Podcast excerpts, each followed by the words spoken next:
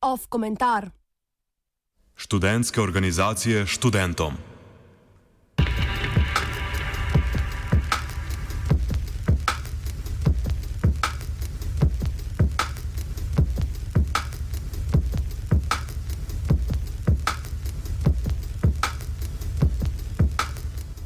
Po razvaljevitvi petkovega glasovanja lahko študentje Univerze na Primorskem danes na predčasnih volitvah spet izrazijo svojo voljo. Sedaj že dobro znani incident uničevanja volilnega imenika in polivanja črnila v volilno skrinico, verilskega izkazovanja študentske nepokoščine, ki so se ga poslužili pripadniki gibanja Študentska lupa, pravzaprav ni spremenil ničesar. Kandidature, ki jih je komisija izločila kot neveljavne zaradi domnevno spornega podvajanja podpornih glasov, so take tudi ostale. Noben pravni organ pa ni odločil o upravičenosti takega dejanja. Podrobnejše situacije na tem mestu ne bomo povzemali, saj je bila predstavljena že v včerajšnjem offsajdu. Namen tokratnega komentarja je ponovno problematizirati način postopanja študentskih organizacij, ko pride do priprave in izpeljave volitev in kritično ovrednotiti odnos njihovih vodstv do demokratičnega odločanja študentov. Tistih, ki svojim obstojem in delom upravičujejo njihovo delovanje.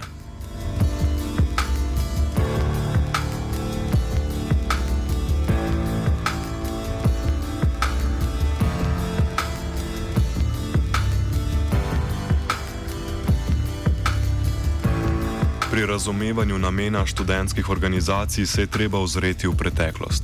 Študentska organizacija Univerze v Ljubljani, krajše Šov v Ljubljani, je nastala kot naslednica Zveze socialistične mladine Slovenije, ki je svojim udejstvovanjem v času samoosvajanja pripomogla k postavljanju demokratičnih temeljev in razvoju civilnih gibanj. Študentske organizacije, kot jih poznamo danes, poleg šov Ljubljani, še kasneje ustanovljeni študentska organizacija Univerze v Mariboru in študentska organizacija Univerze na Primorskem, krajše ŠOP, se lahko za svoj položaj zahvalijo predvsem specifičnemu zgodovinskemu okviru, znotraj katerega so dobile svojo avtonomijo. Leta pa mora biti, tudi v luči nedavno sprejetih sprememb zakona o skupnosti študentov, ki je v veljavo stopil prejšnji teden, nenehno preopraševan. Tako je treba povdariti, da tudi spremembe, ki jih ta prinaša na področju pravne opredelitve študentskih organizacij, ne rešujejo sistemskega vprašanja namenske porabe javnih sredstev, čeprav se vsaj za urejanje nadzora zdi, da gre v pravo smer.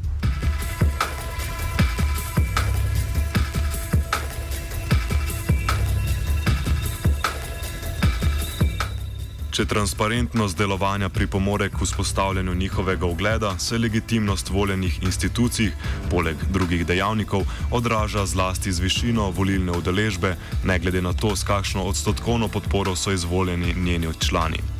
Pri tem je eno izmed demokratičnih vodil možnost izbire, torej da lahko voljivci v skladu s svojimi prepričanji in pričakovanji oddajo glas za kandidata, ki ga bo ta v skladu s svojim volilnim programom najbolje zastopal. Pričakovali bi, da je visoka stopnja in inkluzivnosti, ki je bila značilna za proces vključitve študentov v politiko na začetku 90-ih let in tudi eden ključnih razlogov za nastanek študentskih organizacij, še vedno vodilo, ki v slabih 30 letih ni izgubilo na veljavi.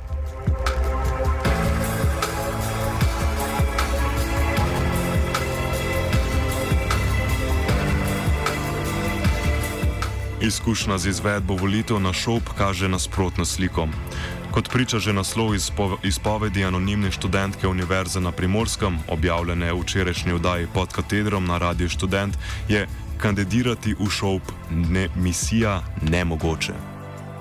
Če je bilo za seznanitev z novico o razpisu volitev potrebno kanček detektivskega brskanja po spletni strani, se je Odisejada z odloki s skladno oddajo kandidature in šopovega razumevanja demokratične participacije šele začela.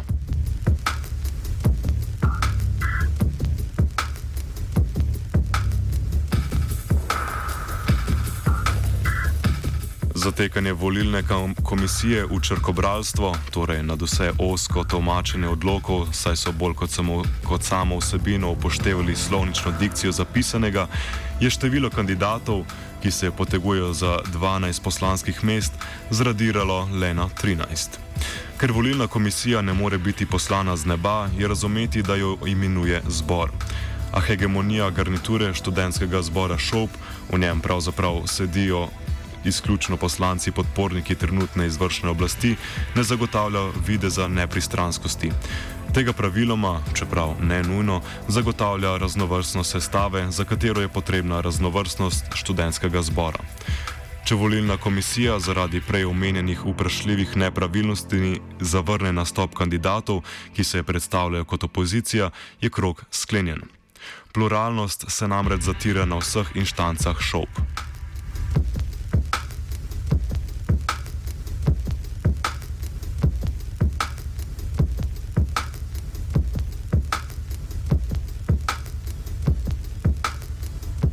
Nadalje je problematično, da odločitve volilne komisije ni mogoče izpodbijati na drugem pritožbenem organu zunaj šop.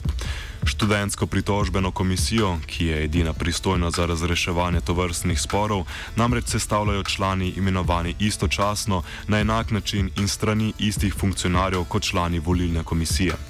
V prihodnosti bi zato veljalo razmisliti, da se področje volitev študentskega predstavniškega telesa regulira samim zakonom in da se mora biti uredi možnost sodnega varstva. Avtonomija, na katero se tako radi sklicujejo predstavniki študentskih organizacij v imenu transparentnosti, ne more in ne sme biti ovira.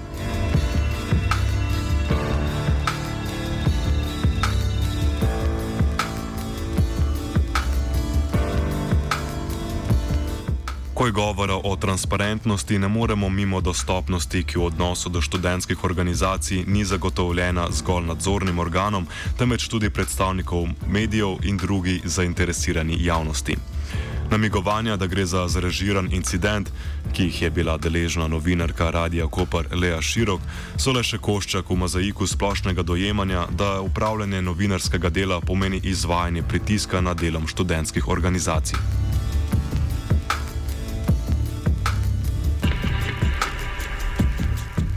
To vrstna študentsko-politična preigravanja in pripadajoče anomalije puščajo pečat na volilni udeležbi. Pregled za desetletje nazaj razkriva, da je bila ta na zadnjih treh rednih volitvah v šop velikostnega razreda nekaj odstotkov, medtem ko podatki za obdobje predtem niso dostopni, saj jih je šop kot pretežni del nepotrebnega arhiva ob selitvi zavrgel. Z nizko volilno udeležbo se sicer ne zares spopadajo tudi na šov v Ljubljani in šov, predstavniki omenjenih organizacij namreč ostajajo le pri deklarativnih pozivih, pa še za te se gre vprašati, kako iskren dejansko je. Neumestno bi bilo vleči kakršne koli zaključke, če in kako volilna abstinenca v študentskih letih vpliva na državljankovo v kasnejšo volilno participacijo. Vendar je dejstvo, da marsikateri državljan splošno volilno pravico lahko prvič izkoristi prav v obdobju začetka visokošolskega šolanja. Če je eden izmed namenov upeljave predmeta državljanske vzgoje v srednje šole spodbujanje mladih k dejavnemu sodelovanju tudi na ravni družbe nasploh, se zdi negovanje usvojenih vrednot na naslednji terciarni ravni izobraževanja naravno nadaljevanje tega procesa da svoje udejstvovanje v smislu, v smislu samoumevnega napredovanja zelo dobro razumejo zdajšnji in bivši študentski, poprej morda že dijaški funkcionarji, kaže tudi njihova zastopanost v sferi današnje državne politike.